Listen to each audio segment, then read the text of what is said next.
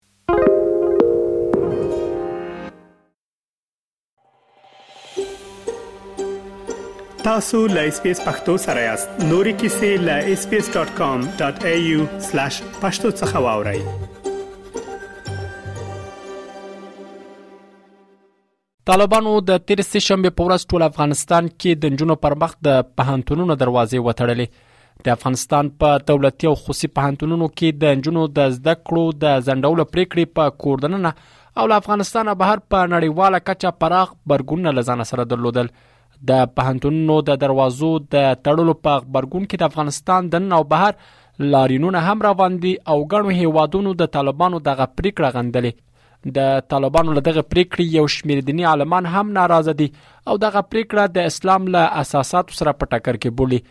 افغانستان کې له دیني عالم مولوی عبدالرحمن عابد سره مو د دغه مسئلې د لارو خنکولو په اړه مرکه کې لومړی وپوښتل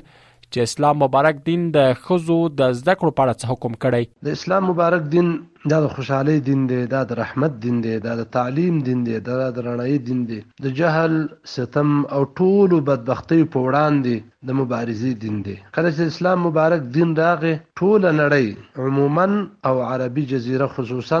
جهل، وحشات، تورتم، بربريت اخيستې وه. یو سیلاب لاهو کړی وه خو محمد رسول الله صلی الله علیه وسلم چه بعثت او پیغمبرۍ باندې مبعوث شو او الله جل جلاله امتنان او احسان په شکل ذکر کړ چه لقد من الله علی المؤمنین الله په مؤمنانو باندې احسان وکړ امتنان وکړ ښیګڼه یې وکړه مؤمنانو سره هغه ښیګڼه څه وه اذ بعث فیهم رسولا من انفسهم دوی کې یو استازی وټاکه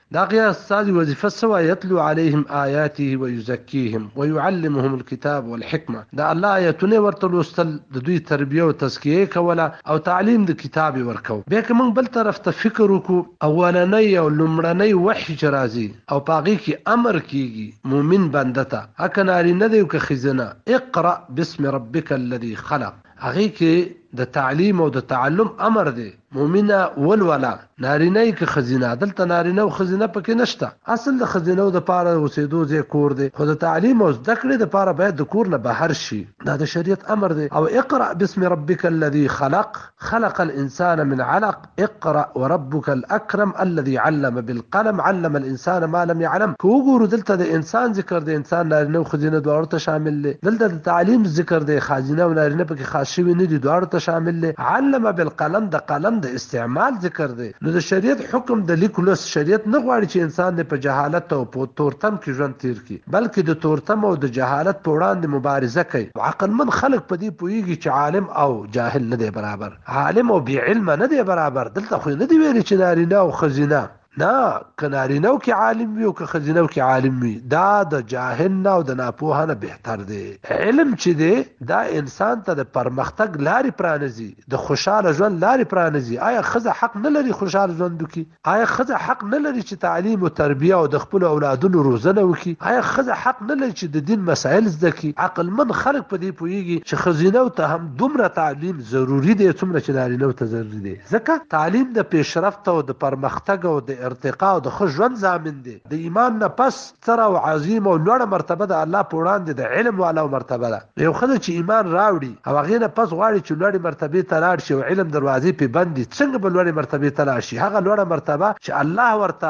مؤمنان متوجه کوي چې د ایمان نه پس لوړه مرتبه د علم ده، د زده کړې ده، د لیک لوست ده او ته لوړه مرتبه څرم نارینهو ته خاص کړې؟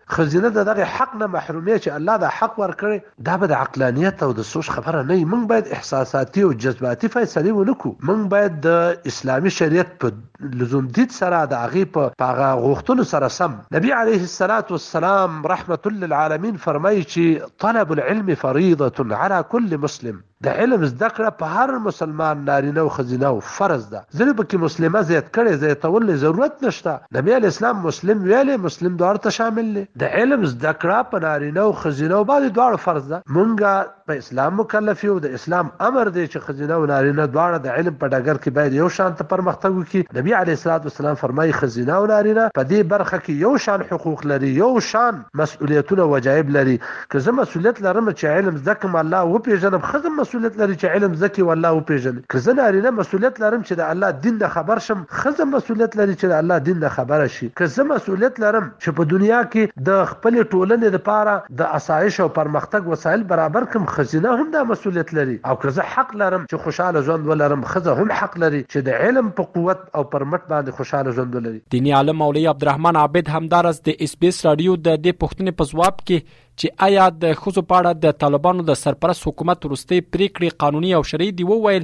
چې دغه پریکړه د اسلام له روح او اساساتو سره په ټکر کې ده. زه په ډیر تاسف سره وایم چې بالکل د اسلام د روح سره په ټکر کې دي، د اسلام دغه پیغام سره په ټکر کې دي، د اسلامي دین دغه اساساتو سره په ټکر کې دي او متاسفانه احساساتي دي. که ډېره برخه زه ويم چې دا ټولې پرېکړې سياسي دي او مونږ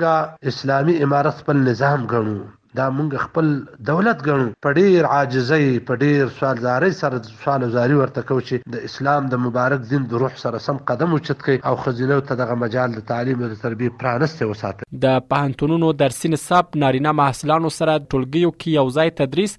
ليليو کې د نجونو پاتې کېدل او د حجاب نه مراعتول هغه څه دي چې له مخې طالبانو د نجونو پر مخ د پهنتونونو دروازې وتړلې خو آیا دا دومره لوی ستونزې دي چې اوناس طبقه دې له زده کړو محرومې کړي او یا هم دا د دې دلیل کېدای شي دیني عالم مولوي عبدالرحمن عابد د اس بي اس رادیو د دې پوښتنې په ځواب کې داسې وویل څه کم دوه کاله تیر شو نصاب تاسې برابر کړئ دا عذر او بهانه نه ده یو دوهم کوم غیر شرعي مواد پکې دي هغه ولس سره شریک کړي چې دا غیر شرعي مواد دي دا غیر شرعي مطالب دي غیر شرعي مضامین دي هغه حذف کړئ د نارینه محصلانو سره ټولګیو کې یو ځای تدریس دا خو په اول قدم کې تاسو اعلان وکړو ټولګیم جدا کړ که ټولګي جدا کېدل ممکن نه نو بیا مو تاسو څه وکړل په منځ کې پرده وکړه هم مشکل او ستونزه خو حل شوې ده څومره چې موږ ته معلومات دغه ستونزه حل ده او دغه عذر هم غیر معقول دی په لیلیو کې د نجونو پاتې کېدل که شرعا ستونزه وي هلته د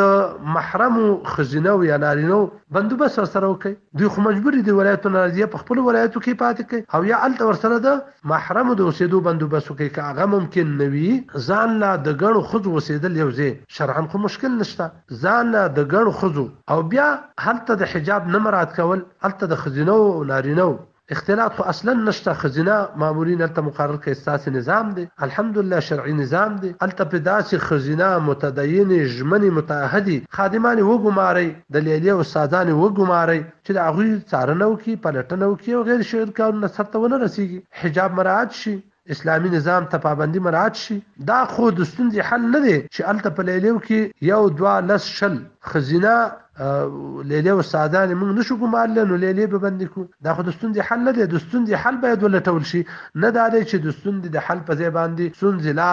غټې شي او لا غوښنې شي افغانستان کې د نجونو او ښځو د زده کړو د بندیزونو لګولو سربیره د طالبانو حکومت په ټولنیز ژوند کې هم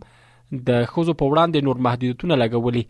او په تیر څو غونیو کې ښځې او انجونې تفریحي پارکونو ته له تک ورزشي کلپونو کې له تمرینونو او عمومي حمامونو ته له تک څخه محرومې کړې دي